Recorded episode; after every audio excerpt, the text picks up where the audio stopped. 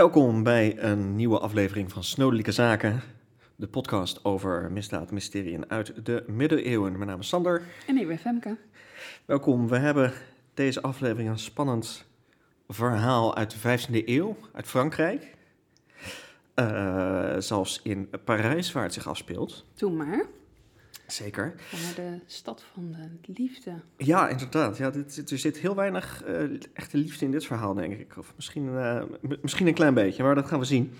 Uh, het is 23 november 1407 en het is pikken donker. Het is 8 uur. En nou ja, dan is de zon al, al reeds onder in Parijs. En er heerst een avondklok, wat betekent dat iedereen zijn vuren moet doven, zijn lampen uit moet doen. Uh, nog niet iedereen doet dat, want uh, waar we hier zijn, we zien een, uh, een herberg die nog over open is. Mensen zijn lekker wijn aan het drinken, een beetje aan het dobbelen. Hier en daar gaan nog mensen naar huis, naar hun werk. En we zien een gezelschap reizen. Met in het midden een duidelijk rijke heer. Machtige heer, zo ziet hij eruit, een belangrijk man. Die zit op een muilezel. En naast hem rijdt een paard met twee knechten erop. En voor en achter het gezelschap, lopen twee knechten. En die hebben fakkels in hun hand. Uh, de fakkels zijn niet gedoofd, maar die moeten het gezelschap uh, verlichten. En die reizen uh, door de straten heen. En we zien, we zitten hier in een wat rijker deel van Parijs. De straten die zijn bestraat. De huizen zijn van stenen gemaakt. waar op andere plekken in, in Parijs zijn de huizen van hout en van leem. hier van stenen en soms hebben we wel vier tot vijf verdiepingen. Dus dit zijn best wel aardige panden hier. En het gezelschap reist langs deze huizen totdat ze voor een specifiek gebouw langskomen. En dit gebouw heeft op de gevel boven de voordeur een klein beeldje van de moeder Maria. En wat gebeurt er dan? De deur van dit pand gaat open en er komt een gewapende bende naar buiten. Mannen die zijn zwaar bepanserd, ze dragen maliënkolders, uh, helmen en ze hebben zwaarden, speren en er is zelfs iemand met een opgespannen kruisboog bij. En ze houden het gezelschap met de rijke heer staande. Nou, deze die roept natuurlijk direct uit van wat moet dat? Uh, de kant. Maar dat doen deze mannen niet. Een van hen die stapt naar voren met een bijl en die hakt in één keer de linkerhand van de rijke heer af. Ja, die schrikt zich natuurlijk kapot en terwijl twee andere mannen hem uh, vanaf zijn muilezel op de grond trekken, uh, raakt het paard met de twee knechten erop in paniek en dat rent er vandoor. De twee knechten die achterlopen, dat zijn uh, een jongeman genaamd Robinet en eentje genaamd Jacobus. Uh, Jacobus is een interessante man, die komt uit, uh, uit Gelderland. iemand uit de lage landen. En ja, die willen dit niet zomaar laten gebeuren. Dus Robinet die grijpt zijn zwaard, die springt naar voren. Maar een van de, de booswichten die steekt toe met zijn zwaard, die raakt hem op zijn arm. En die raakt hem in het gezicht. En deze knecht die moet afdruipen. En Jacobus, Jacobus de Mekere, die springt ertussen, hij is onbewapend en hij wordt neergestoken. Ze steken hem in zijn buik, in zijn hoofd, overal op zijn lichaam en hij stort neer in de goot en hij beweegt niet meer. En de rijke heer, wiens linkerhand is afgehakt, die zit op zijn knieën op de grond, omringd door gewapende booswichten. En hij probeert zich te verweren, maar het lukt eigenlijk niet. Want van alle kanten slaan ze toe. Uh, hij heft zijn, zijn hand op, maar zijn rechterhand wordt ook uh, bijna van zijn lichaam afgeslagen. Ze steken in zijn lichaam, raken hem in het hoofd. En dat gaat zo korte tijd door, totdat er van achter een man aankomt lopen met een grote bijl. En die slaat toe. Die raakt het hoofd van deze heer. En die splijt zijn schedel open, van zijn oor tot zijn oog. Nou ja, dat is heel snel afgelopen nu. De man leeft niet meer, hij valt voorover. En uit de wond op zijn hoofd valt zelfs een klein stukje van zijn brein op de straatstenen neer. Dan komt er uit het gebouw, uit het gebouw met het beeldje van Maria op de gevel, komt een man met een rode kap op naar buiten. Een lange man en die roept: Jongens, het is gedaan. Kom mee. Nou, ze stoppen met steken en ze stoppen met slaan. De man met de rode kap die kijkt nog eventjes of het slachtoffer inderdaad dood is. En dat is die. Men haalt paarden uit de woning naar buiten en ze gaan er vandoor. Een bijzonder brute moord is hier gepleegd, zomaar in de avond van 23 november in Parijs op straat. En deze moord die brengt een schokgolf teweeg. Een schokvogelgolf die gaat door heel Parijs heen. Want de man die hier vermoord is, dat is niet zomaar iemand, dat is Lodewijk van Orléans. De broer van de koning van Frankrijk, Karel VI. En de volgende dag wordt Lodewijk al begraven. Ze hebben hem eerst zijn gewonde lichaam naar een kerk in de buurt gebracht. En nu brengen ze hem in een, uh, in een kist met uh, um, diverse vlaggen. En iedereen is gekleed in het zwart. Brengen ze hem naar zijn favoriete klooster waar hij begraven zal worden. En de kist die wordt door de straat getild. En om de kist heen staan de vier prinsen van het bloed, de belangrijkste mannen van Frankrijk naast de koning, de hertogen van Bourgondië, Anjou, Berry en Bourbon. En ze zijn ontzettend verdrietig. Ze, ze, laten zien, de tranen lopen over de wangen, ze jammeren het uit dat deze man met wie ze, die ze goed kenden, uh, zo bruut vermoord is en gestorven is. En uit de kist, daar druipt nog wat bloed.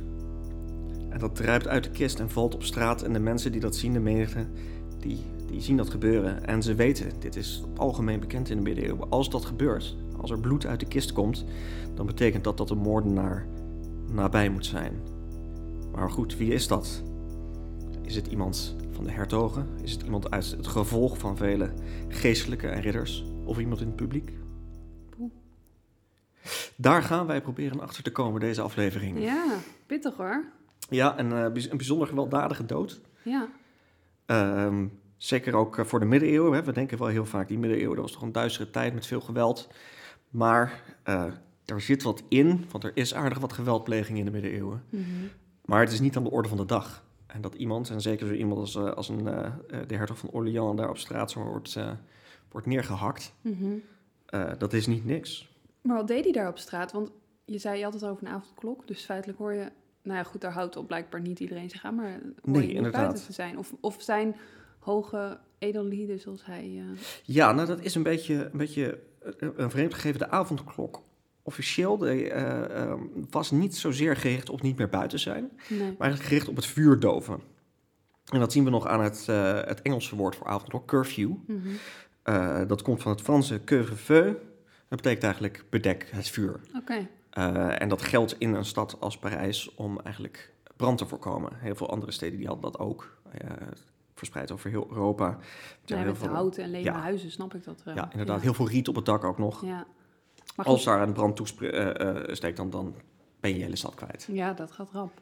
Ja, en ja, voor rijke mensen werd er dan vaak wel een beetje een uitzondering gemaakt. Als die nog s'nachts door, het, uh, uh, door de stad reisden, dan hadden ze fakkels bij zich. Maar ja, precies. Oké, okay, met fakkels kun je het dan nog verlichten. Want ik wou zeggen, dan heb je wel de perfecte omstandigheden om, juist omdat het zo donker is, uh, ja. ja, misdaad te begaan. Omdat, omdat je dan ook slechter zichtbaar bent. Ja, Natuurlijk. inderdaad. Je bent slechter zichtbaar, er zijn minder mensen op straat. Mm -hmm. Aan de andere kant valt er natuurlijk over weer op dat er dan wat gebeurt op straat. Dat, dat zullen we ook gaan zien bij het, uh, het onderzoek wat er hierna gedaan werd en de getuigen die naar voren kwamen. Mm -hmm. uh, dat waren toch mensen die wat, uh, wat gezien hadden.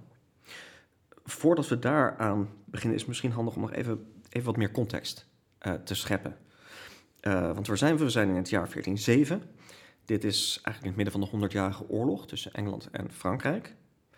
En het is ongeveer vijf jaar voordat Jeanne d'Arc geboren wordt. Oké. Okay. Dus dan weten we ongeveer uh, waar we zijn. Een roerige periode in Frankrijk. Een roerige periode ja. inderdaad in, uh, in Frankrijk. Um, de koning van Frankrijk op dit moment, dat is Karel VI.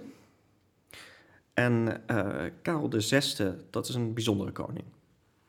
Dat is, hij stond, heeft lange tijd bekend gestaan als Karel de Goede. Mm -hmm. Omdat hij een, nou, een, een, goed vorst, als een goed, goed vorst gezien werd. Maar ik ken um, hem anders. Je kent hem anders inderdaad, want Ja. hij wordt ook wel vaak de waanzinnige genoemd. Dat voorspelt niet heel veel goeds over deze koning. Nee, inderdaad. Nee. Ehm, toen hij koning werd, had hij trouwens nog geen enkele bijnaam. Eh, wat misschien zo verrassend was, want hij was 11 jaar op dat moment. Dus in, eh, in 1379. Hij werd koning nadat zijn, eh, zijn vader was overleden. En omdat hij minderjarig was, ehm, traden de hertogen van Bourgondië, Anjou, Berry en Bourbon, de prinsen van het bloed, die ik net al noemde in het, eh, in het verhaaltje, die traden op als regenten. En die heten de, herto- of de prinsen van het bloed, omdat het hertogen waren van koninklijke komaf. Dus het waren de zonen en de kleinzonen van de Franse koning. Ja, dus er is altijd wel een soort familiaire connectie. Ja, precies. Dit zijn dus inderdaad de ooms, eh, de ooms van Karel VI. Rond 1388 heeft Karel daar genoeg van en hij emancipeert zich. Eh, hij maakt zich los van die regentschapsraad en hij vraagt de zogenaamde marmoussets om eh, terug te komen. Dat was een, een raad eigenlijk die zijn vader ook bijstond. Eigenlijk van ja, geleerden en edelen die eh, ja, eigenlijk een, een eed van wederzijdse vriendschap hadden afgelegd. en hun best deden om samen te regeren en goede raad te geven. Vooral dus een, een raad die ook los stond van de rest van de belangrijke adel in Frankrijk. Ehm, Maakten ze dat dan ook iets, zeg maar, soort van onpartijdiger? Het maakte ze wat onpartijdiger, ja. Ja. want eh, wat je ziet, en dat zullen we ook later in het verhaal terugzien, is dat die hele hoge adel, die hebben natuurlijk grote belangen, die hebben grote gebieden, die hebben veel rijkdom en veel macht. Eh, en die proberen het vaak ook te vergroten. Eh, dus ja, als die een stevige vinger in de pap hebben bij het koninklijke beleid, eh, dan zijn ze vaak ook bezig voor hun eigen hachie. Ja. Eh, nou ja, en deze raadgevers die deden dat dus een stuk minder. En die zullen, die zullen waarschijnlijk ook wel eh, bezig zijn geweest natuurlijk met hun eigen carrière. Maar dat had dan een minder grote invloed op het land. Ja, precies. Ja. Ehm, uit deze tijd kennen we hem dan ook als Karel de Goede. Daar kwam alleen op een gegeven moment verandering in. En dat gebeurt in 1392. Toen was namelijk Karel VI op een militaire expeditie naar Bretagne. En ze waren al een tijdje bezig. Eh, je stelt je voor, dit was midden in de zomer. Dus we hebben hier een lange legerstoet die reist eh, in de hitte eh, door Frankrijk heen. En wat er toen gebeurde, is ze reden langs een, een, een wat bebost gebied en daar kwam een soort van wilde man, die kwam het bos uit. Eh, Mm. het zag eruit als een, een, een man zonder vaste woon- of verblijfplaats, eh, dat zou kunnen we zeggen. Een beetje schimmig figuur. Ja, zag een beetje verwilderd uit. Ja. En die, die liep op de stoet af en voordat men hem kon stoppen, eh, was hij eigenlijk tot aan het paard van de koning en pakte zelfs een van de, pakte het hoofdstel van de koning, eh, van het, het paard van de koning beet. En die zei tegen de koning van keer terug, en je bent verraden. Hm. Nou ja, hij werd een beetje weggejaagd door, eh, door het gevolg van de koning. Maar hij bleef de stoet een tijd lang volgen en ook een beetje vanaf de borstjes roepen en zo. Dus het was een, een interessante verschijning. Maar het leek toch een beetje invloed te hebben op de koning, want die, die was, hij was stiller. Hij was in zichzelf gekeerd. Mhm. En eh, ja, het, het, het, het, het viel op, maar ja, men maakt zich er nog niet heel, erg- heel erg zorgen over. Totdat een korte tijd later eh, er wat gebeurde. Namelijk, er reden achter de koning twee knechten, twee pages. Eentje die had de helm van de koning droeg die, en de ander die droeg een lans voor de koning. Mhm. Ehm, wat gebeurde er? Een van die knechten die sukkelt in slaap. Hij laat die lans vallen. De lans valt op de helm die de andere knecht vast heeft. En je hoort een luide ting van de lans op het staal. Ja, dat, moet echt een, dat kan best een klap geven. Ja, zeker. En, en hè, we, we hebben al verteld, deze legerstoet, hè, die rijdt door de zon. Iedereen die, is- nou ja, het, het, het, het- ja, iedereen Ja. is loom. Het feit dat die knecht al in slaap kon vallen op de paard, geeft al aan eh, ja, hoe de omstandigheden waren. Ja. Eh, maar Karel VI, de koning, die schrikt zich rot. Die grijpt naar zijn zwaard. Eh, die roept, verdedig je verraders. En hij valt zijn eigen leger aan. Oeh. En hij hakt wild om zich heen. Eh, nou ja, dit is een gevolg, weet niet wat ze, wat ze moeten doen. Eh, binnen korte tijd heeft hij er een aantal tegen de vlakte. Eentje die dat ook met de dood moet bekopen. Heftig. Ja, ehm, maar uiteindelijk weten toch een aantal van zijn dappere ridders... die weten hem te bedwingen. Die, die houden hem vast, die ontwapenen hem, die, die trekken hem tegen de grond... en die brengen hem tot bedaren. Eh, ze brengen hem naar een kasteel in de buurt om bij te komen. Maar het is afgelopen met deze militaire campagne. En eh, een donkere tijd breekt aan voor Frankrijk. Want wat we nu weten is dat de koning op dit moment een psychose heeft gehad. Hè, Hij, is, eh, hij heeft het contact met de werkelijkheid verloren Ja. en kan waan en eh, realiteit niet meer van elkaar onderscheiden. Getriggerd dus eigenlijk door die, die expeditie daar. Ja, inderdaad. Ja, en door de, door de omstandigheden en misschien dus ook die wilde man die uit het bos kwam en zei je bent verraden, dat dat op een of andere manier een idee ge- geplant heeft. Ja, bizar. Ja, nou de koning die wordt zijn tijd, moet hij, eh, moet hij hiervan bijkomen. Hij komt wel weer bij, maar wat er eigenlijk nu begint is een periode waarin de koning om de zoveel tijd eh, gek is, eigenlijk. Ja, want dit heb ik wel gehoord. En ook dat hij af en toe fases heeft waarin hij denkt dat hij van glas gemaakt is. en Inderdaad, zo. inderdaad, dat hij denkt dat hij, dat hij dacht dan dat hij super breekbaar was. En Ja. ja, ja de, de, de, pa- de paus die beschreef dat op een gegeven moment. Eh, en er zijn wel meer zaken als dat hij zijn vrouw niet meer herkende. Eh, en zijn vrouw die, die, eh, nou ja, die eh, liep dan achter hem aan. Hij ging dan bij bedienden langs van ja, het had dat mens weg, weet je wel. Het is ontzettend vervelend dat ze de hele tijd achter me aan blijft handelen. Oh. Dat, ja, dat moet echt... Maar ja, dat maakt het wel lastig om te regeren. Precies, ja. ja. En wat we dan zien eigenlijk is dat die prinsen van het bloed, die belangrijke hertogen, die gaan weer taken overnemen. En de marmozets, die belangrijke raadgevers, die worden allemaal ontslagen. Sommigen moeten ook op de vlucht, omdat ze gezien worden als vijanden van die, van die hertogen. Een beetje terug bij af dan. Eigenlijk een beetje terug eh, Ja. bij af, inderdaad. Ehm, wat we vaak zien is eigenlijk Isabelle van Beieren, de vrouw van die koning. En dat moet best wel een indrukwekkend figuur zijn geweest ook. Eh, die zit dan een voorzit, een, een, een regentschapsraad voor eigenlijk. Ja. Met de prinsen van het bloed. Wat een jaar gebeurt na de expeditie, is een ander belangrijk moment in de, eigenlijk de waanzin van de koning. Er is namelijk een feestje georganiseerd in eh, Parijs eh, op 29 januari. En men zegt tegen eh, de koning van, joh, weet je, ga naar dat feest. Eh, zoek afleiding, heb het naar je zin. Want ze snappen wel, ja, als je het psychologisch zwaar hebt, dan Alle- helpen leuke Alle dingen. leuke dingen zijn fijn, ja. Ja. Ja. Het is de vraag hoeveel dat helpt tegen dat werkt psychose. Ja. Ehm, maar over het algemeen een beetje gezelligheid en vooral een beetje gezelschap, hè, een beetje aanspraak. Dat is een goed idee. Nou, en op dit feest, er zijn een paar ridders die hebben een, een geweldig idee.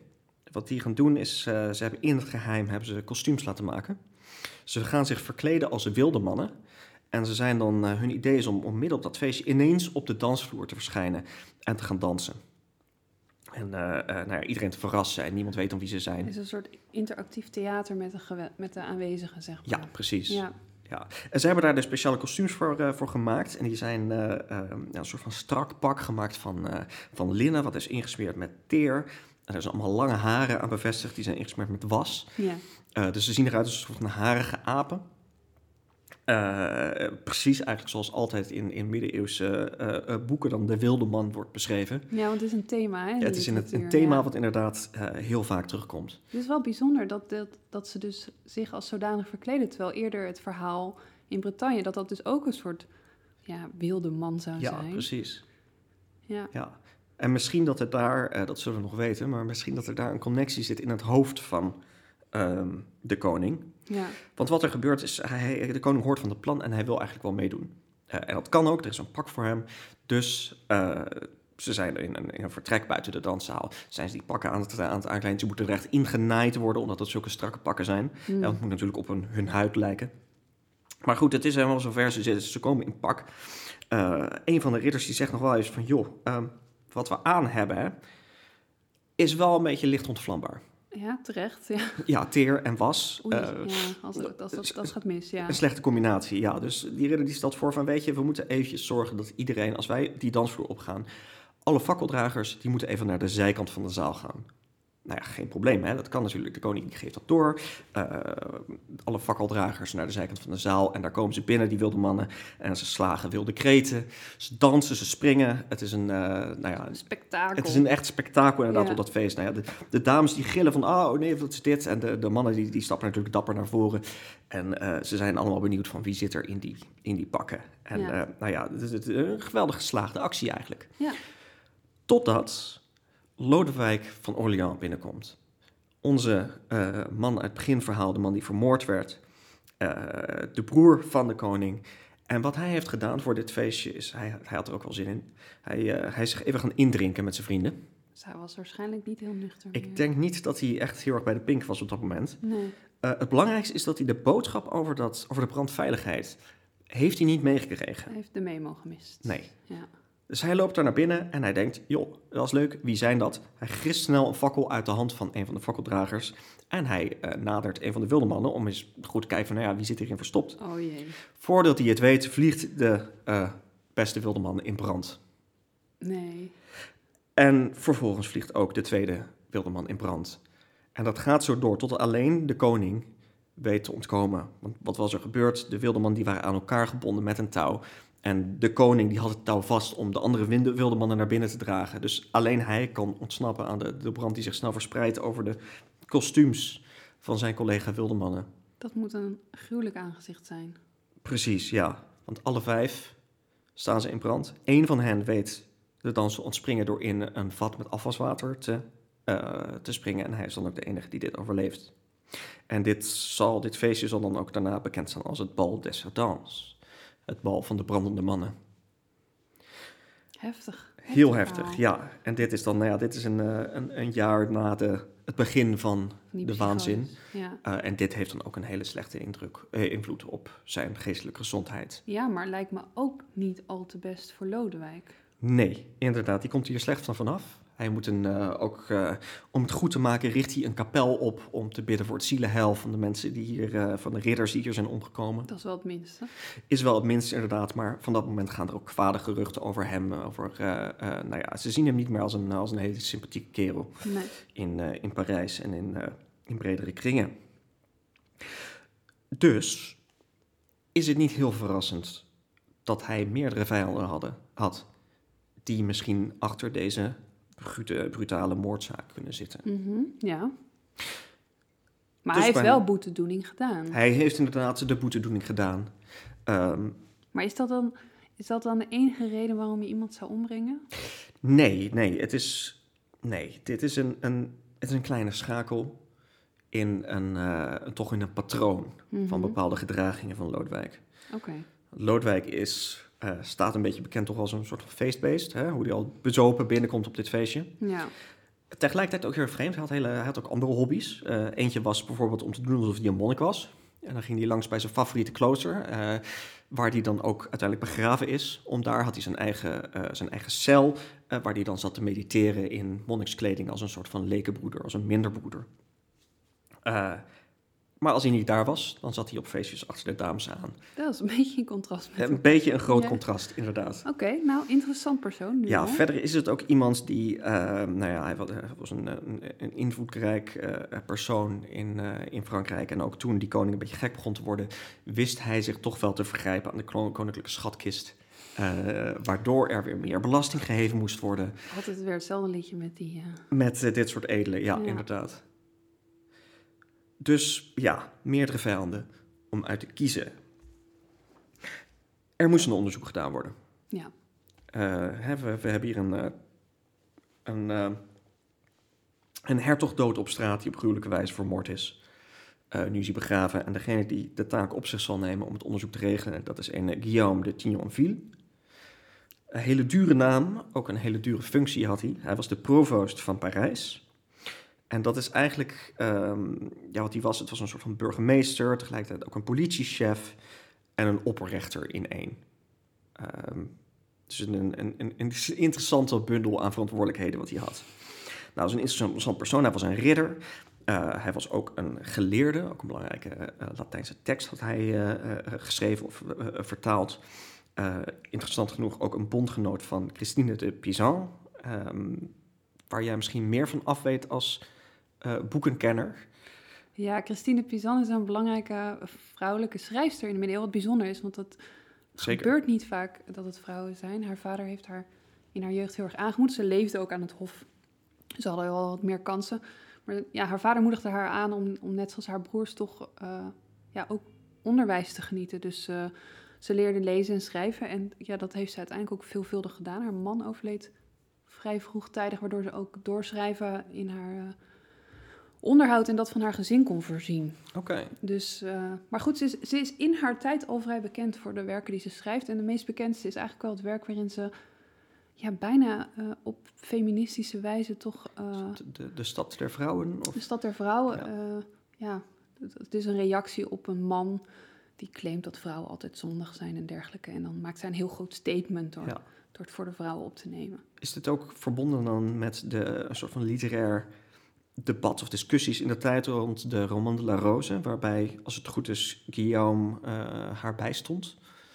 Ja, dat geloof ik wel. Ja, dat, is Ja. een, een, ook een, dat ging over de, de, morele boodschappen die Ja. je in, in verhalen eh, moet of niet moet hebben. Eh, dus nou ja, die Guillaume is een interessant figuur. Hij zetelde in de Petit Châtelet in Parijs. En eh, eh, nou ja, vanaf daaruit runde hij dus de politiezaken. Hij ging ook over militaire aangelegenheden. Eh, hij ging over de berechting. Nou ja, een belangrijk figuur en die moet natuurlijk inderdaad dit onderzoek gaan leiden. Voor mijn beeld, hè, want de Petit Châtelet, dat is dus... Want nu kennen we Châtelet als een heel groot metrostation in Parijs. En ik neem dan aan, daar heeft dan een groot Châtelet gelegen. Ja, Maar er is dus ook nog een kleinere. Dat ja, je had een soort van eh, een groot en een klein kasteel. En vroeger zat dan ook die, die provost, die zat in het grote kasteel. Mhm. Volgens mij is Guillaume de eerste die zetelde in het kleine. Eh, en wat je moet voorstellen hier is, er zijn een aantal nou ja, werkvertrekken. Uiteindelijk kon zo'n provost daar ook verblijven, wonen. Mhm. Eh, Guillaume deed dat niet. Die had een, een woning in, in een rijke buurt in Parijs. Ja. Dus die ging hierheen voor zijn, voor zijn werk. Hij werd bijgestaan door eigenlijk een hele staf aan onderzoekers en schrijvers. Eh, en hij had ook een bodyguard van twaalf man altijd bij zich. Eh, en wat je dan moet voorstellen is dat dat kleine eh, kasteel, Petit Châtelet, dat zat ja, onder de grond. En op de onderste verdiepingen zat daar een gevangenis Hmm. voor mensen die ondervraagd moesten worden. En daarboven zat dan, peilde het eigenlijk uit van het papierwerk. Want eh, ja, ook onderzoek, daar, daar moest uitgebreid eh, eh, notulen gemaakt worden en opgeschreven worden. Klinkt als een politiebureau. Klinkt inderdaad als Ja. een politiebureau en dat, dat, eh, dat was in zekere zin ook. En dat is ook belangrijk, want hierdoor weten we ook wat voor een onderzoek er is gedaan naar de dood van Lodewijk van Orléans. Daar is dus een rol van eh, nou ja, zes meter lang Wauw. eh, eh, perkament helemaal volgeschreven aan getuigenverklaringen en, en nou ja, andere observaties. We zullen ook zeker eh, bij de beschrijving een, eh, daar een foto van leveren, want het, is- het, ziet er, eh, het ziet er mooi uit. Maar zo kunnen we dus de hele, of eigenlijk het onderzoek naar de moord helemaal reconstrueren, omdat hij dat zo goed heeft bijgehouden. Ja, precies. Eigenlijk stap voor stap kun je, kun je volgen wat hij gedaan heeft. Gaaf. De, dus niet alleen de vragen die hij uiteindelijk heeft gesteld, eh, maar inderdaad ook hoe die, hoe die dacht. En dat ziet er. Het, ik, ik heb dus wel mensen over gehoord die, dat, die het heel erg modern vinden overkomen eigenlijk. Ja, En dat doet het ook wel. Maar dat komt vooral ook omdat we de middeleeuwen associëren met veel, eigenlijk een veel primitiever beeld dan het zou verdienen. Mhm. Eh, want ja, zeker in die 15e eeuw, de, zeker in deze kringen, daar wordt over de rap geschreven en, eh, en, eh, en onderzoek gedaan. ja. Dus eigenlijk is het heel erg middeleeuws. Niet, niet iedereen is achterlijk natuurlijk toen. Nee, precies. Maar ik, ja, ik snap wat je zegt. Nou, ik ben benieuwd. Wat, wat, wat, wat kwam Guillaume dan allemaal zo al tegen?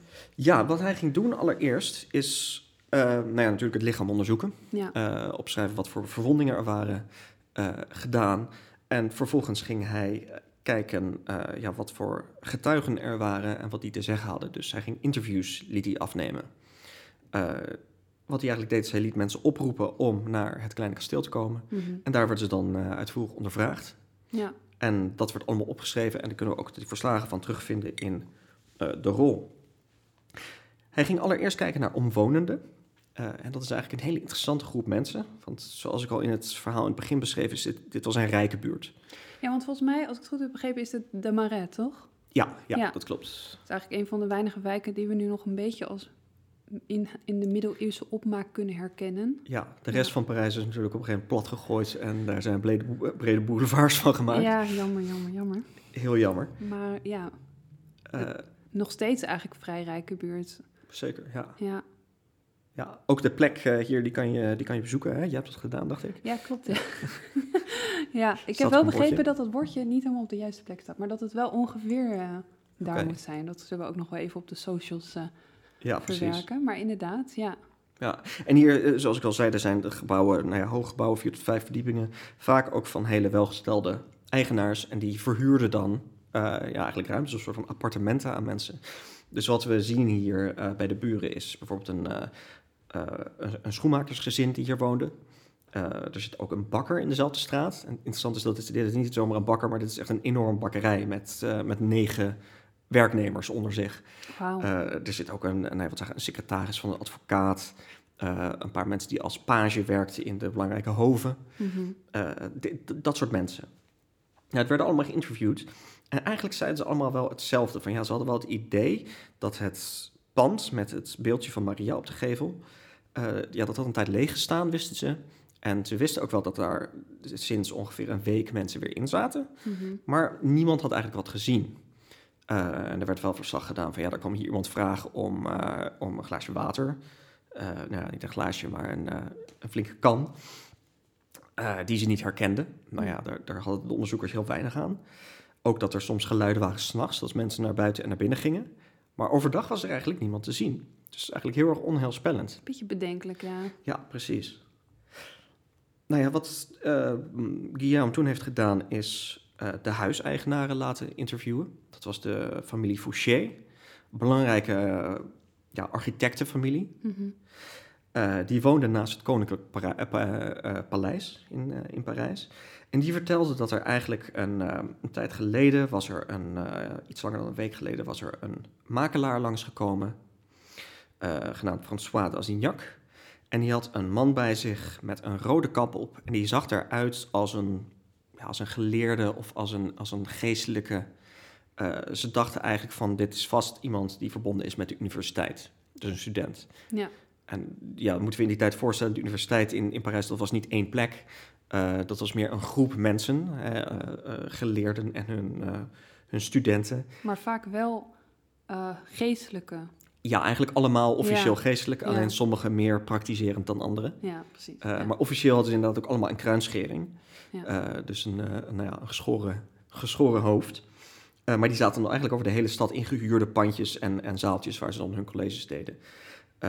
En die, die man die gaf de naam op Jean Courtelan. En dat lijkt eigenlijk ook te spelen met het idee van hoe hij eruit ziet, want dat is een bijnaam voor Franciscanerbroeders. Eh verwijst naar het, het koord met knopen wat ze om hun middel dro- droegen. En dat, Ja. dat had deze man dus ook. Ehm, Maar dus eigenlijk, je zou bijna dan vermoeden dat hij gewoon... Een Jean is eigenlijk gewoon Jan. hè? Ja. Eh, Jan de Franciscaner, eigenlijk. ja, dat hij gewoon maar wat opgeeft. Ja, precies. Ja, Ook omdat bij de interviews zeggen, en dat is, dat is heel leuk, de Fouché-familie, oh, die, die, die geïnterviewd die zegt ook heel erg duidelijk van ja, hij zag eruit als een geleerde. niet Eh, hij was het. Ja, ze gingen er in eerste instantie al vanuit dat het waarschijnlijk een geleerde was, maar nu er dit gebeurd was, eh, hield men toch wel rekening met een vermomming. Hmm, Eh, verder zei ze nog ja, het was een lange man en hij sprak goed Frans. Oké, Interessant, maar ja, dat zijn nog eens heel veel mensen. Ja, precies. Daar hebben ze dus niet heel veel aan. Nou ja, ze hebben François d'Azignac, eh de makelaar, opgezocht. En die was zich eigenlijk ook van geen kwaad bewust.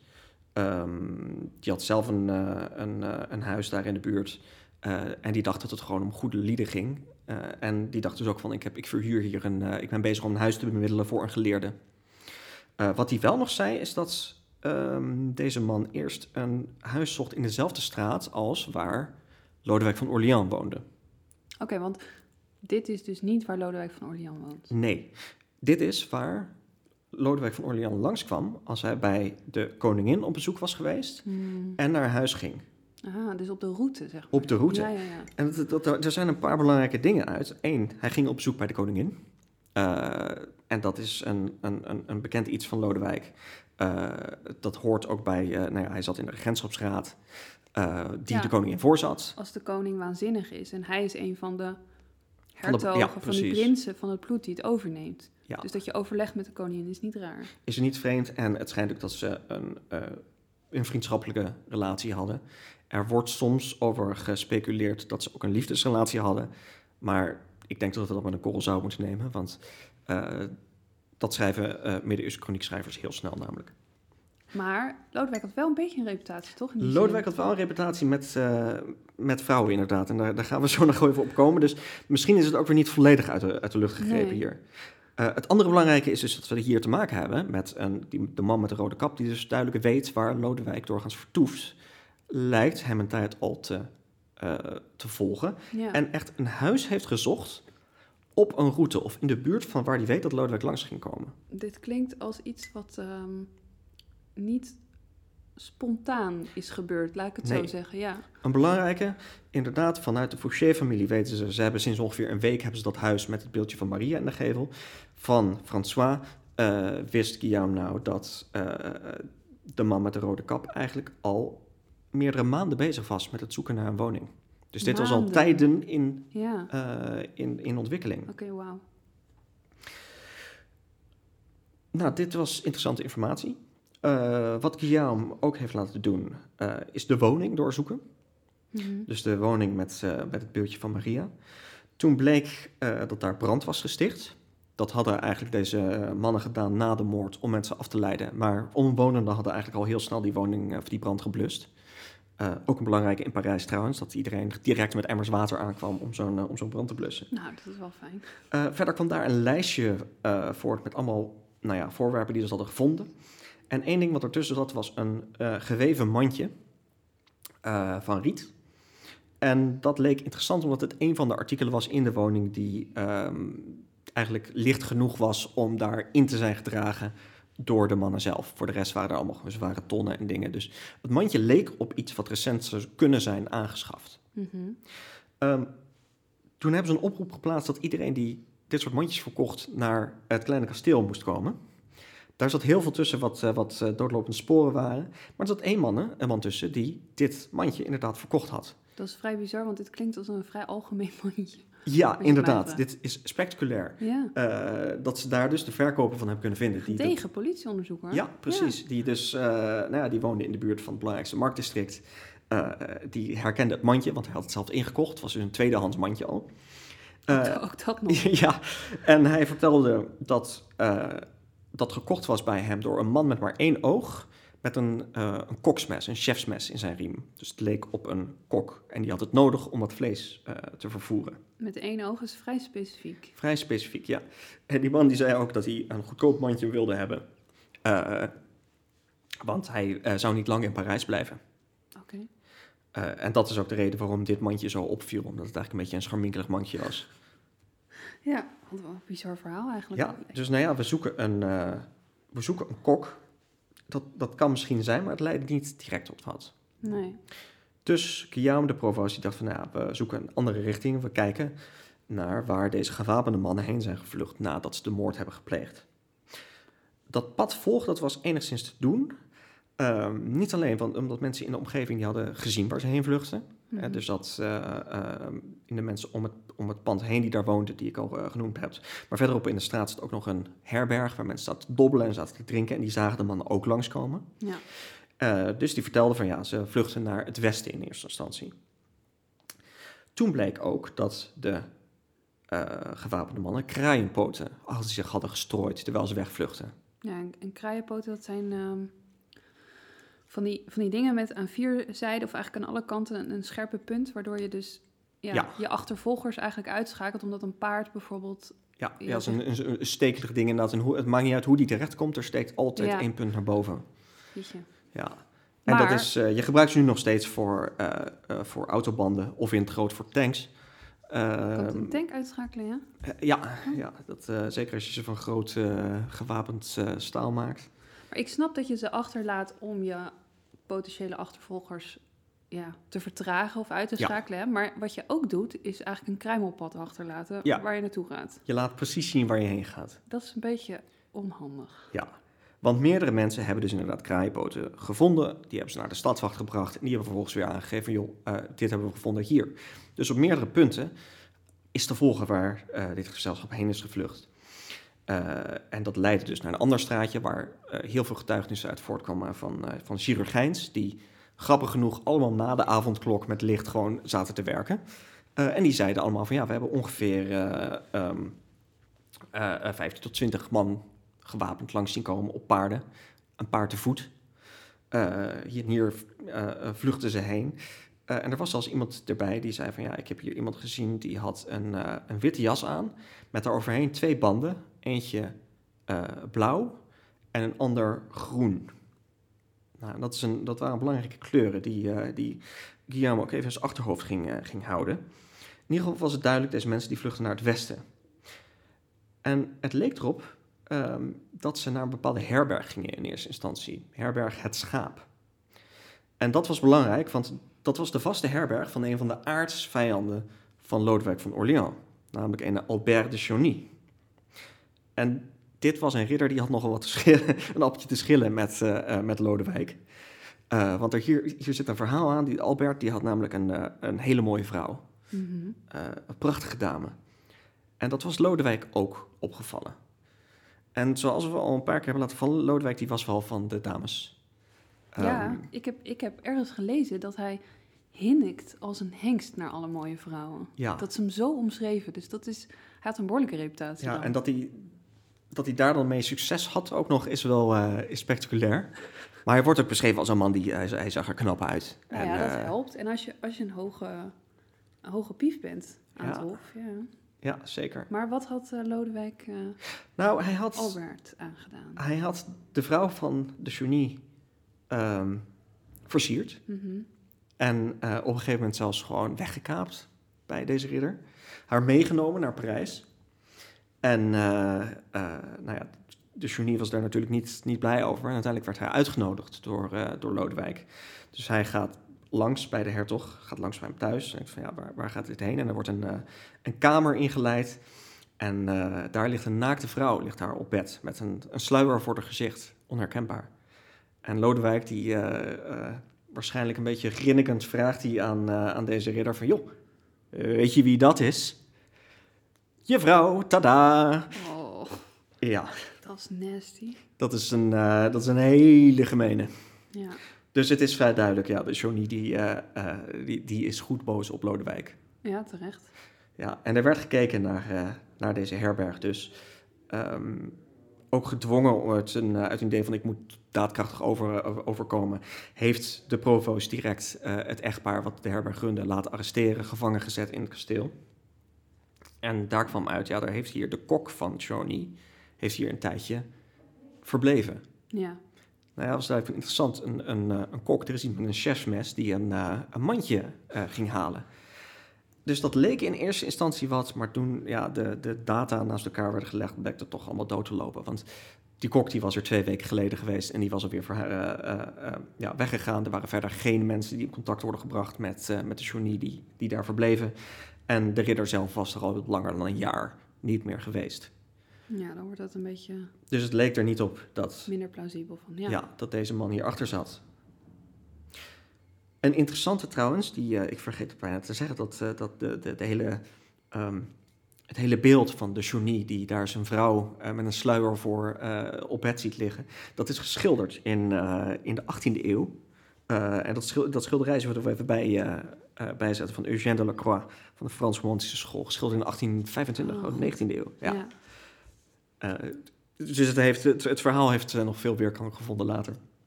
Nou ja, het is natuurlijk ook wel een spraakmakend verhaal, laat ik het zo zeggen. Ja. Ja, precies. Ja, dus het is ook wel te begrijpen wat dat betreft dat, hij, ehm, dat, dat, dat de provost hier direct zo fel op was. En dus ook de, de gevangenen vast heeft gezet. Ja, nee, je zou zeggen, hè, die Johnny heeft genoeg reden om... eh, ja, dat is niet oké, maar goed, je zou begrijpen waarom hij het zou doen. Ja. En En, als de ja, eh, bewijsstukken in eerste instantie er een beetje op lijken... dan kan ik me voorstellen dat je denkt, nou, eh, Ja. deze hebben we, dit is hem. Ja, inderdaad. Maar het is dus niet zo. Het was niet zo. Nee. Ja, en dat is dus ja, het is jammer voor de, de herbergiers die eh, eh, vast werden gezet. Dat, dat is wel interessant. We hebben het, eh, heb ik al gezegd, hoe er een, eh, ja, een gevangenis zat onder dat kleine kasteel. Ja, Eh, nou, werd gevangenisstraffen werden doorgaans niet opgelegd voor misdrijven. nee. Gebeurde wel, maar het is niet heel erg gebruikelijk. Eh, dus zo'n gevangenis was eigenlijk vooral voor mensen die geïnterviewd moesten worden. om die eigenlijk voorhanden te hebben als het nodig was. Dat ze ook niet weg kunnen lopen. als Nee, je- Ja, precies. Niet konden verdwijnen in de menigte Nee. of de stad konden ontvluchten. Dus die waren daar om ondervraagd te worden. En ze konden in principe ook gemarteld worden als dat nodig was. Ja. En dat werd eh, ja, in, de, in die 15e eeuw gezien als een, een juiste manier om aan informatie te komen. Ja. Hier niet gebeurd, gelukkig. Eh, de herbergiers die hadden het al, eh, al zwaar genoeg te verduren. Maar we zien in die, hè, in die rol met getuigenissen die, die ik al had genoemd... staat dan in bijvoorbeeld, ja, de- deze persoon die antwoordde... of deze persoon die was een beetje ontwijkend... of deze persoon was heel erg behulpzaam. En dan staat er ook niet gemarteld. Eigenlijk vergelijkbaar met de, de vorige zaak die we behandelden eh, van de paus. Oh, ja, ja, ja, inderdaad. Daar was dat ook het geval, waarbij getuigen, bij de getuigenissen duidelijk staat of er wel of niet gedreigd is met marteling, Ja. of dat het is toegepast. Ja. ja. Want ze snapten wel inderdaad dat een marteling een bepaald effect heeft op, eh, eh, ja, op zo'n zo'n verdachte. Ja, Ja, wat dan ook vaak gedaan is, de marteling die dan gebruikt werd, is het oprekken van ledematen. Eh, stel iemand die bekent dan of geeft informatie, dan werd hij daarna weer losgemaakt, naar een ander vertrek gebracht, er werd eten aangeboden en iemand kon gewoon rustig bijkomen. En dan was de bedoeling dat hij daarna eh, opnieuw een getuigenis zou doen. Eh, en die woorden dus opnieuw moest gaan bevestigen, maar dan zonder marteling. maar dan zonder martelen. Ja. Maar ja, als dat dan weer niet gebeurt, ja, dan gaan we weer terug naar het martelen. Dus. dan zit je in een loopje. Ja, Ja, precies. Dat helpt niet. Dus het is een, een interessant principe, dat martelen. Ehm, maar we waren bij eh, de Johnny, de, de ridder, Ja, die viel dus af. die viel af. Ja, Dus opnieuw ging de provost kijken naar het pad van de gevluchte mensen. Nou, hij zag het kon leiden naar de herberg. Nou ja, eh, we weten dat ze daar niet heen gingen. Maar er is een andere eh, kant op. En daarbij was een eerdere getuigenis toch misschien wel belangrijk. Namelijk dat een aantal van deze mannen een witte jas droegen Mhm. met de blauwe band en de groene band. Ja, En blauw en wit kwamen veel voor, groen minder vaak. want wat is groen? Groen leek in ieder geval voor eh, onze provo's te duiden dat het hier ging om mannen van de hertog van Bourgondië. Oké. Hun En kleur, zeg maar. Hun kleur, inderdaad. Ja. want het leek erop dat dit toch wel een, een livrei, een, een wapenjas was. Die Ja. dus heel erg echt bij een, een gevolg hoorde. En dus niet eh, gewoon de toevallige kleur groen was. Dat, dat had gekund, maar het, het leek er toch wel sterker op dat het, dat het een Bourgondische kleur was. Eh, ja, en dat zat ehm onze provo's toch wel een beetje dwars. Want het paleis van de hertog was inderdaad net ten westen van de plek waar deze mensen heen waren gevlucht. Ook op de route. Ook op de route. Ja. Dus nu de herberg afviel, begon het er toch wel op te lijken dat de hertog hier misschien iets mee te maken had. En dat was een lastige, want een, een hertog, een, een prins van het bloed, eh, op dit moment de hertog van Bourgondië is Jan zonder vrees, dat is een best wel een geduchtig heer. Hij kan daar niet zomaar komen aankloppen en eh, zeggen ik wil je woning doorzoeken of ik kom jou eventjes interviewen. Nee. Hè, dit is koninklijke familie, dit, die, die staan zo wat boven de wet eigenlijk. En Ja. zeker boven de autoriteit van de provoost. Mhm. Dus wat hij heeft gedaan, eh, is eigenlijk best wel een slimme move. De dag erna is hij langs geweest bij een vergadering in het Koninklijk Paleis, waar alle hertogen aanwezig waren. En daar heeft hij gezegd van, joh, jongens, voor mijn onderzoek is het voor mij nodig dat ik al uw huizen eh, doorzoek en uw personeel ondervraag. Toch wel. Ondanks dat dat eigenlijk... En wat hij heeft gedaan, is hij heeft zich dus gericht aan alle hertogen. Ja, ja. En hij heeft het soort van vriendelijk gevraagd. Dus hij heeft er niet eentje uitgezonderd die vervolgens beledigd of boos kon zijn. Maar hij wist daarmee ook dat als hij dat zou doen, dat hij natuurlijk ook aan de, de onschuldigen zou gaan vragen. Ja. En die zeiden als eerste, hè, de hertog van Anjou, die zei van ja, prima. En eh, eh, zo volgden de andere hertogen ook. ja, Totdat- te verbergen, zeg maar. Ja. Nee. Ja, inderdaad, prima, eh, eh, vraag maar, kom maar Ja. kijken. Het vond het allemaal belangrijk. En behalve Jan zonder vrees, die kreeg, het, die kreeg het een beetje benauwd. Hij werd een beetje bleek en hij zei toen tegen zijn eh, collega hertogen... ik heb jullie wat vertellen, kom, kom met me mee. Ze gingen naar een apart kamertje en daar biechtte Jan zonder vrees op. Hij zei, joh, ik werd bevangen. Ik werd verleid door de duivel in een zwak moment. En in dat zwakke moment heb ik de hertog van Orléans laten vermoorden. Dit horen we vaker, hè? Dit Ja, soort bevangenheid van de duivels. Maar ja, je hebt net aangegeven dat er al maanden ja, een plan lag met het zoeken naar een juist huis. Dat klinkt niet als een plotselinge bevangenheid van een duivel. nee, nee, dit, dit is inderdaad niet een, eh, dit is geen impuls eh, Nee. geweest. En het is ook vrij duidelijk, die provoost van, van Parijs, de Guillaume, die, die wist dat ook. Was alleen nu was dit niet meer zijn onderzoek. Nu dit een, een, een hertog eh, heeft, deze daad heeft opgebiecht, is dit een, een zaak van de koninklijke familie geworden. Ja, Ehm, ja, en die zich stelt zich nu de vraag van wat, wat moeten ze doen? Ze hebben eigenlijk een, eh, de hertogen hebben afgesproken om een nieuwe vergadering eh, te organiseren. Ze hebben besloten om Jan zonder vrees niet uit te nodigen. mhm. Hij kwam toch opdagen. Oh. Ze hebben hem nou ja, toegang ontzegd. Waarop Jan zonder vrees zei, oké, nou ja, doei. dus die is de stad ontvlucht. En eh, eh, ja, heeft deze zaak opengelaten. De andere hertogen zijn toen naar de koning gegaan. De koning heeft gezegd van ja, je moet eh, gerechtigheid opvolgen. ja. Een hele moeilijke zaak voor de koninklijke familie. ja want Lodewijk van Orleans is de broer van de koning. Is de broer van de koning, ja. En Jan zonder vrees, als ik het goed heb begrepen, is de neef. Dus er zitten, er zitten ook nog allemaal familiebanden in. Ja. En wat je al zegt, je kunt ze niet zomaar makkelijk afstraffen. En hij is nu dus ook nog eens ontvlucht. Hij is ook nog eens ontvlucht. Ja, en hij is ook nog eens een van de werkelijk, of eigenlijk wel bijna de machtigste hertog in Frankrijk. Mhm. Omdat hij hele, he- nou ja, hij, hij bezit bijvoorbeeld Vlaanderen. En dat is een van de eh, meest welvarende gebieden van Europa op dat ogenblik. Lakennijverheid. Ja, precies. En eh, dus ja, wa- wa- wat, wat moet men hiermee aan? Nou, het blijkt, het is eigenlijk al langer grotzooi tussen, tussen Lodewijk en, eh, en Jan. Eh, de twee zitten elkaar al vaker in de weg. Mhm. En dat blijkt ook uiteindelijk ook als, als men gaat kijken naar de motieven achter deze daad. Hè, eerst zien we in heel veel chronieken nog dat het gaat om liefde.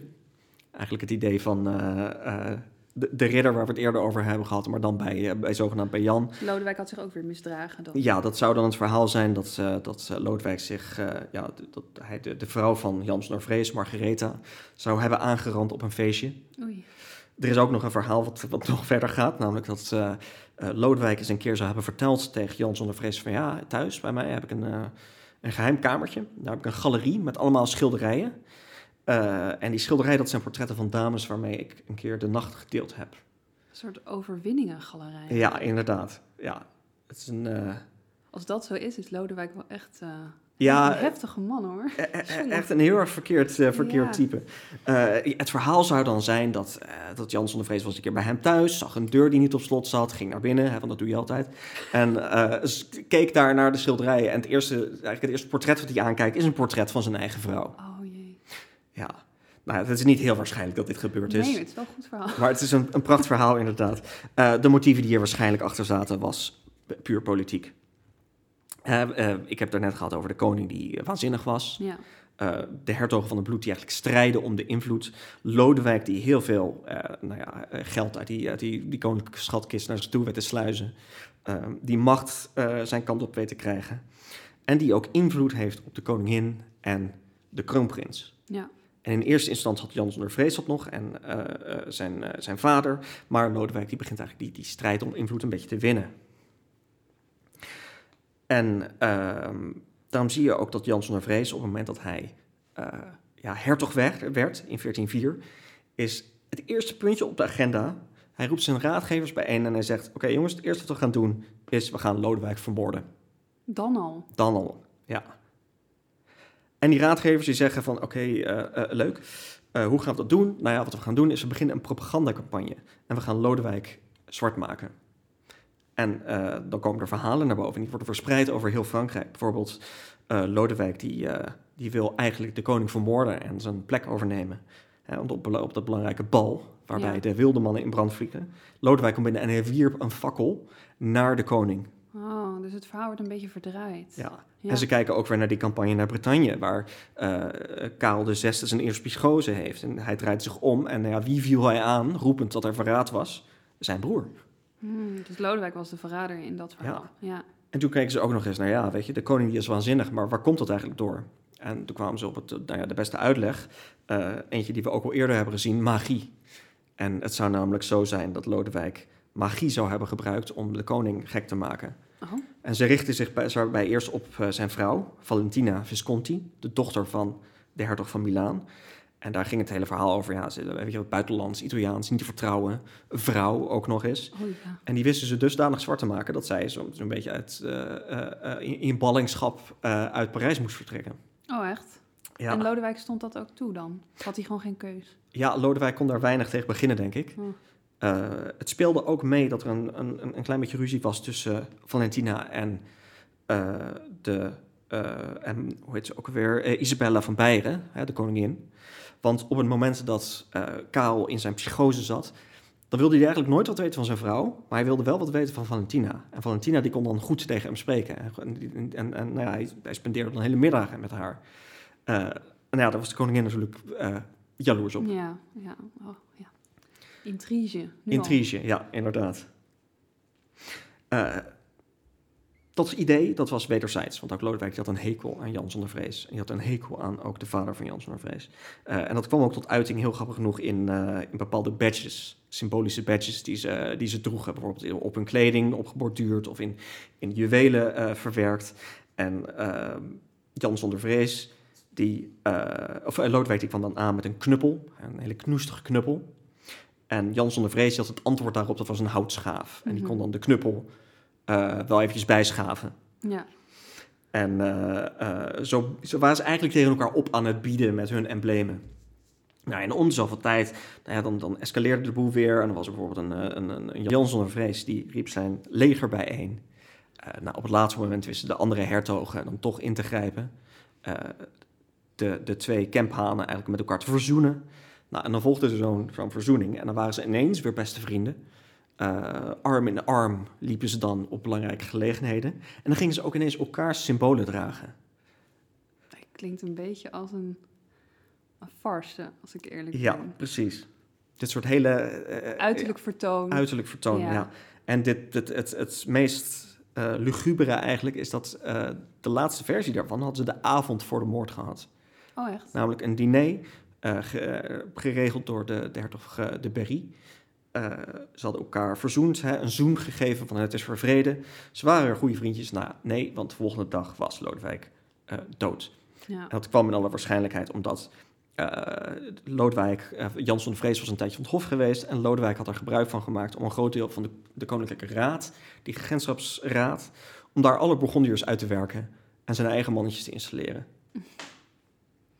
Nou ja, wat, eh, daar was eh, Jansson Vrees eh, woedend over. En wat had hij gedaan? Hij had een Normandische ridder, Raoul de Anquetonville, ingehuurd. En deze man, die was vermomd als geleerde, vermomd als student. Hé, hey, daar heb je hem. Ja, Dat was de man naar met de Parijs kap. gegaan, de man met de kap. Oh. En die zien we dus, die, hij had een makelaar benaderd voor een huis.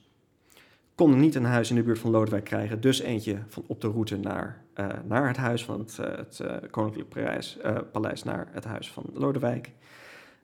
Dit was ook de man die naar buiten kwam toen de moord gepleegd was en riep van jongens, we gaan er vandoor. Mhm. En dit is ook iemand die ja, na de moord een pensioen aangeboden krijgt van Jan zonder vrees. En eh, eh, zijn dagen, de rest van zijn leven, heeft gesleten in Brugge. Hij wordt dus niet bestraft. Hij werd niet bestraft, nee, maar hij heeft, leefde wel eigenlijk in ballingschap. Hij komt nooit meer terug naar, naar Parijs of naar Orléans. Nee. Eh, hij, heeft gewoon in, hij moest in Brugge blijven. En dat, dat is een, een belangrijk punt, want er is eigenlijk geen gerechtigheid geweest hiervoor. Nee. Jan van Vrijs is gevlucht. De koning heeft wel aangegeven van er moet gerechtigheid komen. Ehm, maar ja, eigenlijk in 1408 is Jan teruggekomen Mhm. met een leger van 800 ridders. Oh. Hij is Pala- eh, Parijs binnengetrokken. Hij heeft daar een hoorzitting georganiseerd om eh, toch eh, de moord te onderzoeken. En daar is zijn, zijn persoonlijke raadpleger, de geleerde Jean Petit, die heeft een traktaat voorgelezen. Die is echt uren bezig geweest met praten.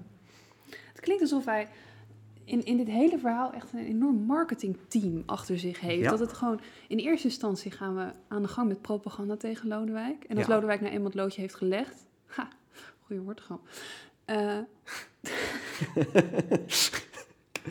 Heel goed, ja. eh, dan gaan we een soort propaganda opstarten voor, voor hemzelf eigenlijk. Ja, precies. Ja, Hij is ook de. ehm, het is een heel mooi als karakterschets ook om te kijken naar die, die Jan zonder Vrees, wat voor figuur dat was. Hè. Lodewijk van Orléans, knap, jong. Hè, ze waren allebei in, in de dertig op dit moment. ja. Ehm, en, en Jan zonder Vrees, die, die, die zag er wat minder knap uit. Maar die was, dat was echt een, een schemer, zeg maar. Eh, echt altijd bezig om, eh, om verborgen, met verborgen plannetjes en met samenzwering. Ja, inderdaad. ja, geniepig. Geniepig, ja. En is ook die, dat die propagandacampagne om Lodewijk zwart te maken. En die ging hier verder, want Jean Petit die, eh, die ging tekeer hoe Lodewijk eigenlijk een, een tiran was. Hoe eh, Lodewijk magie had gebruikt om de koning gek te maken. En dus waarom het volledig legitiem was dat eh, Jan hem had laten vermoorden. Het was hier dus geen moord, maar het was het uit de weg ruimen van een tiran. Hij heeft iets goeds gedaan. Hij heeft iets goeds gedaan, ja. En hier vertelde ook bijvoorbeeld Jean Petit, die gaat uitgebreid in op een, een raar ritueel, wat Lodewijk dan verricht zou hebben met een, een magisch mes en een magisch zwaard, met een, met een magische ri- eh, ring, die dan gestoken werden in een, een lichaam van een, eh, een dode crimineel. En daar kwam, werd dan een duivel opgeroepen en eh, nou ja, die deed dan de wil van, van Lodewijk. Hier hebben we dus weer zo'n raar magisch randje. Ja. En ook voor zo'n heel erg gedetailleerd verhaal. Dat is net als met het, eh, met het pausplot. Ja, dat er eh, eh, ja, dat zo'n aanklager eh haarfijn een of andere vreemde rituele eh handeling en dat dat oké is en geoorloofd ook. Ja, precies. Of dat, dat, dat men denkt, oh ja, nee. Oh ja, natuurlijk. Ja, Ja, logisch. Ja, Ja, ja nee, dat lijkt me wel. bizar. Ja, inderdaad. Nou, verder, dat, dat traktaat van Jean Petit, dat wordt verspreid over heel Frankrijk. Wauw. Dus de propagandaoorlog is dus gewoon nog steeds voorbij. Eh, ook na de dood gaat Jan zonder vrees verder. En de koning, die eh, gaat daar eigenlijk in mee. Want de koning, ja, die heeft zijn zwakke geestelijke gezondheid. Eh, en die, die verzoent zich met Jan zonder vrees. Nabestaanden van Lodewijk van Orléans hebben daar geen vrede mee. Nee. En wat er begint is een gruwelijke burgeroorlog die tussen 1407 en 1435 zal duren. Bovenop een oorlog die al woedt tegen Engeland, hè? Ja, precies. En Jan komt er dus mee weg. En Jan komt er soort van mee weg. Ja, soort van. Want ook Jan zal uiteindelijk het toch eh, met de dood moeten bekopen. Maar dat is iets waar we in een, eh, in een toekomstige aflevering op terug zullen komen. Een belangrijk punt is dat er wel een beetje gerechtigheid is geweest voor een paar mensen. In middeleeuws idee dan tenminste. Want ik heb het in het begin van dit verhaal heb ik het gehad over Jacob, de, de knecht. Uit, uit Gelderland. Uit Gelderland, ja. Ja. Jacob van Meekeren heet hij. En dit moet een ontzettend eh, dappere jongeman zijn geweest. Nou, sowieso is die ver van huis. Hij is heel erg ver van huis, ja, Ja. inderdaad. Iemand uit, uit, uit Gelderland die eh, zich helemaal in Parijs eh, bevindt... in het gevolg van, van Lodewijk. Maar hij is ongewapend, is hij een gewapende bende ingerend. En is hij, hij neergestoken. En hij heeft zijn heer niet kunnen redden. Nee. Het is eh, tragisch hoe hij om het leven is gekomen. Want ik vertelde hoe hij neer werd gestoken in zijn lichaam en in zijn hoofd. En hij belandde in de goot. En op een gegeven moment toen de mannen weg waren... toen zijn de, de omwonenden naar buiten gekomen. En toen leefde hij nog. Echt? En eh, waar hij om vroeg is eigenlijk of zijn heer... eh, of het daarmee goed mee ging. Hij had wel heel veel liefde voor zijn heer. Ja, dus ze hebben hem gemakkelijk gemaakt. Zo gemakkelijk als, als ze hem konden maken. En toen is eh, is die overleden. En ze hebben hem aan de voeten van Lodewijk begraven. Oh, echt? Ja, dus dat, dat is wel een enorme eer voor, een, eh, voor zo'n knecht. Ja. Ja, en ehm, zijn broers, Gerard en Christian van Meekeren, die, die woonden in Gelderland en die hebben in 1415 hebben die van eh, hertog eh, Philips de Goede, de zoon van Jan zonder Vrees, hebben die een schadevergoeding gekregen voor de, voor de dood van hun broer. Oké, dus daar werd wel ingezien dat dat niet helemaal juist gehandeld was. Nee, precies. Zou je zeggen. Er werd eigenlijk gezegd van ja, de dood van die, eh die knecht, dat, dat betreuren we en dat was ook niet de bedoeling. En eh, nou, dan werd er eh, eigenlijk zoengeld aangeboden. En dat was een, een standaard manier, dat hebben we ook al in eerdere verhalen gezien, om, Ja. om, zo, om de kwestie af te doen eigenlijk. En het is wel leuk, dit is recent, is dat het ook uitgezocht door een Nederlands historicus, Martin Bergvoet. Eh kwam er een leuk krantenberichtje over en die heeft daar een leuk artikel over geschreven. Over een jongen in Gelderland eh, in Parijs. Nou ja, dat is, het geeft wel een- nog een interessante laag aan dit moordverhaal eigenlijk. Ja. Ja, dat Iemand uit de lage landen. iemand uit de lage landen als, als getuige, of ja, Ja. helaas ook slachtoffer van. Ja, ja en er zijn ook, eh, die, die, die zullen we ook zeker eh, met de beelden erbij stoppen. De afbeeldingen, de latere afbeeldingen van de moord, zien we Lodewijk op de grond liggen. En eh, Jacob die ligt bovenop hem, die heeft zich op zijn heer Ja, geworpen om te beschermen. En dat is, dat is niet wat we in de getuigenverklaringen lezen. nee. Maar het is wel eigenlijk zo van wat er gebeurd is, hè? want hij, hij is er wel tussen gesprongen. Nou ja, anders dan was hij ook niet zo zwaar gehavend en uiteindelijk zelfs overleden aan zijn Nee, verwondingen. precies. Ja. De andere knechten zijn waarschijnlijk wel ontkomen. Ik eh, noemde in het begin Robinet, de, die, die liep samen met Jacob achteraan de stoet. Mhm, En die had een wapen, dat, hij trok zijn zwaard. Mhm. Eh, die werd zwaar gewond. Hij is weggerend toen eh, en opgevangen door een eh, bloemenverkoopster. Nou, Ja, en, specifiek ook. ja, precies. Ja. Ik vond het ook heel grappig om, om, om te lezen dat hij daar blijkbaar ook woonde. En het lijkt erop dat hij het overleefd heeft. In ieder geval verder wordt er niks over gemeld. Nee. Van de twee knechten die op het paard zaten, dat paard ging er vandoor. Die kregen ze aan het eind van de straat weer onder, onder bedwang. Eh, kwam toen ook de muilezel van Lodewijk tegen. En die namen ze mee om te, om te gaan kijken. En daar werden ze opgevangen door eh, een aantal van de gewapende lieden. En die zeiden van, eh, als je leven je lief is, dan ga je weg nu. Nog even, hè. Waarom zat Lodewijk op een muilezel? Een muilezel, ja. Dat lijkt niet zo ridderlijk of... Nee, zeker niet als zijn pages dus wel op een paard zaten. Ja, inderdaad. Ja, ik denk, maar ik weet het niet 100% zeker, dat een muilezel in donker Parijs misschien fijner reisde. Want muilezels zijn doorgaans heel erg rustig, heel erg trouw, ook niet zo snel onder de indruk. Mhm. Eh, en ja, als je, je rijdt door het pikken donker, dus dat beest ziet niet precies waar hij zijn hoeven neerzet. Waarschijnlijk zijn de, de stenen oneven. Mhm. Eh, in de straatjes daar heb je toch meestal in het midden of aan beide zijkanten een, een geul voor afvalwater eh, en afwatering verder. Daar kan je instappen. Ik denk dat een muilezel gewoon een stuk rustiger rijdt. Nou, klinkt wel logisch. Ja.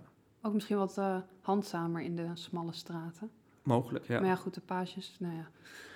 Ja, Ja, bijzonder dat hij op een muilezel zat eigenlijk. ja, precies.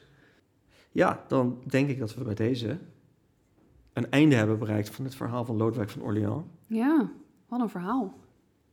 Ja, hè? Ja, het is een, eh, een zeer brutale moord. ja nou, to say the least, ja. En eh, Ja, dat moet... het- ik, eh, het verbaast me niet wat een schokgolf dit teweeg moet hebben gebracht toen. Absoluut. Ja. Zeker. ja, ik ben benieuwd naar het vervolg eh, hiervan. Ja, want inderdaad, de laatste is nog niet gezegd over Jan zonder vrees. Nee. Eh, er zijn nog wel wat meer eh brute misdaden die gepleegd werden in, eh, als een direct gevolg van deze. Stel je wil hier nog verder in duiken. Je, wil meer details dan wij hebben kunnen geven hier. Er is een, een fantastisch boek hierover uitgekomen in 2014. Dat is Blood Royal van Eric Jaeger. Eh, en dit is een historicus en die schrijft eh, nou, hier dus een stuk historische fictie. Maar daarin blijft hij heel erg leuk eigenlijk best wel dicht bij de bronnen. Dus hij Mhm. blijft bij die rol met getuigenissen. En hij, maakt, hij dikt dus niet heel erg veel aan. En daarom is het ook een heel erg toegankelijke manier om eigenlijk kennis te maken met wat een historicus doet. Eh, en tegelijkertijd leest het gewoon geweldig, want je krijgt eigenlijk een soort, ja, een bijna direct inzicht eh, in hoe deze getuigen worden geïnterviewd en wat hier gebeurd is en hoe, ja, in, in wat voor eh, wereld deze mensen leefden. Ja. Eh, hij heeft ook nog The Last Jewel geschreven. oh, Ehm, dat is recent verfilmd. Recent verfilmd op Ja. Netflix, inderdaad. Ik heb het nog niet gezien. Ik ook niet. Misschien als film vermakelijk. Qua outfits en kostuums die ik zag, zag het er weer typisch Hollywood uit. Maar het, Ja, blijft leuk. Nou, maar dit klinkt ook wel als een goed verhaal voor een film eigenlijk. Hoe, hoe ja, ja, met voorbedachte raden er een soort moord eh, gepland wordt en uitgevoerd wordt. zeker. En dat hier allemaal eh, ja, intrige en, en, en Ja. zaken Nou, aan het hof doorheen. Het mooie is ook Ja. inderdaad dat, dat eh, nou ja, wij dan geïnteresseerd zijn in true crime, maar in de middeleeuwen. Ja, En dit is een, een, een boek wat al geschreven is met precies dezelfde insteek. ja, En hij heeft eigenlijk niks hoeven vermoderniseren of, of, of wat dan ook. Want eigenlijk alle ingrediënten waren er al in de bronnen. ja, je hebt het onderzoek, je hebt eh, de crime scene. Ja. ja. Hele leuk. interessante zaak. Ja. En stel nou je wil meer weten over eh, de Bourgondiërs. Eh, dat kan ik me goed voorstellen, want eh, de Bourgondiërs, zoals Jan zonder Vrees en zijn nazaten, die zijn heel erg belangrijk geweest voor de geschiedenis van ons land, Van de Lage Landen, ja. van de Lage Landen. Eh, dus daar kan je kijken naar Bart van Loo, de Bourgondiërs. Ja, dat is een prachtig boek, maar hij heeft daar ook een podcast van gemaakt. Dus als je geen zin hebt om je door een hele dikke pil heen te worstelen, dan kun je Bart van Loo het verhaal horen vertellen wat hij geschreven heeft. Doet hij heel leuk trouwens. En ook het boek is best toegankelijk, heb ik begrepen. Ik Jawel, zelf ja, ja, ja, maar- absoluut.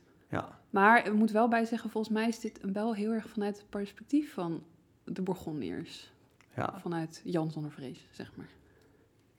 dus het is eh, een bevestiging van eh, Lodewijk als tiran. eh. Ja, ja, ja, hm, niet helemaal, maar wel, wel een beetje. Ja, Een beetje, ja. ja, Nou ja, een beetje mag wel, maar... eh, ja. En we zullen wel even kijken of er nog meer leuke titels zijn om toe te voegen. Maar voor de gemiddelde geïnteresseerde is dit wel genoeg, denk ik. Zeker. Nou, bedankt voor het verhaal. Voor deze zaak, Sander. Ja, graag gedaan. En bedankt voor het luisteren. Ja, en tot de volgende keer. Vond je dit nou een leuke podcast? Het helpt ons enorm als je onze podcast een recensie of waardering geeft via jouw favoriete podcast-app. Volg ons op social media. Je kunt ons vinden op Facebook en Instagram onder Snodelijke Zaken.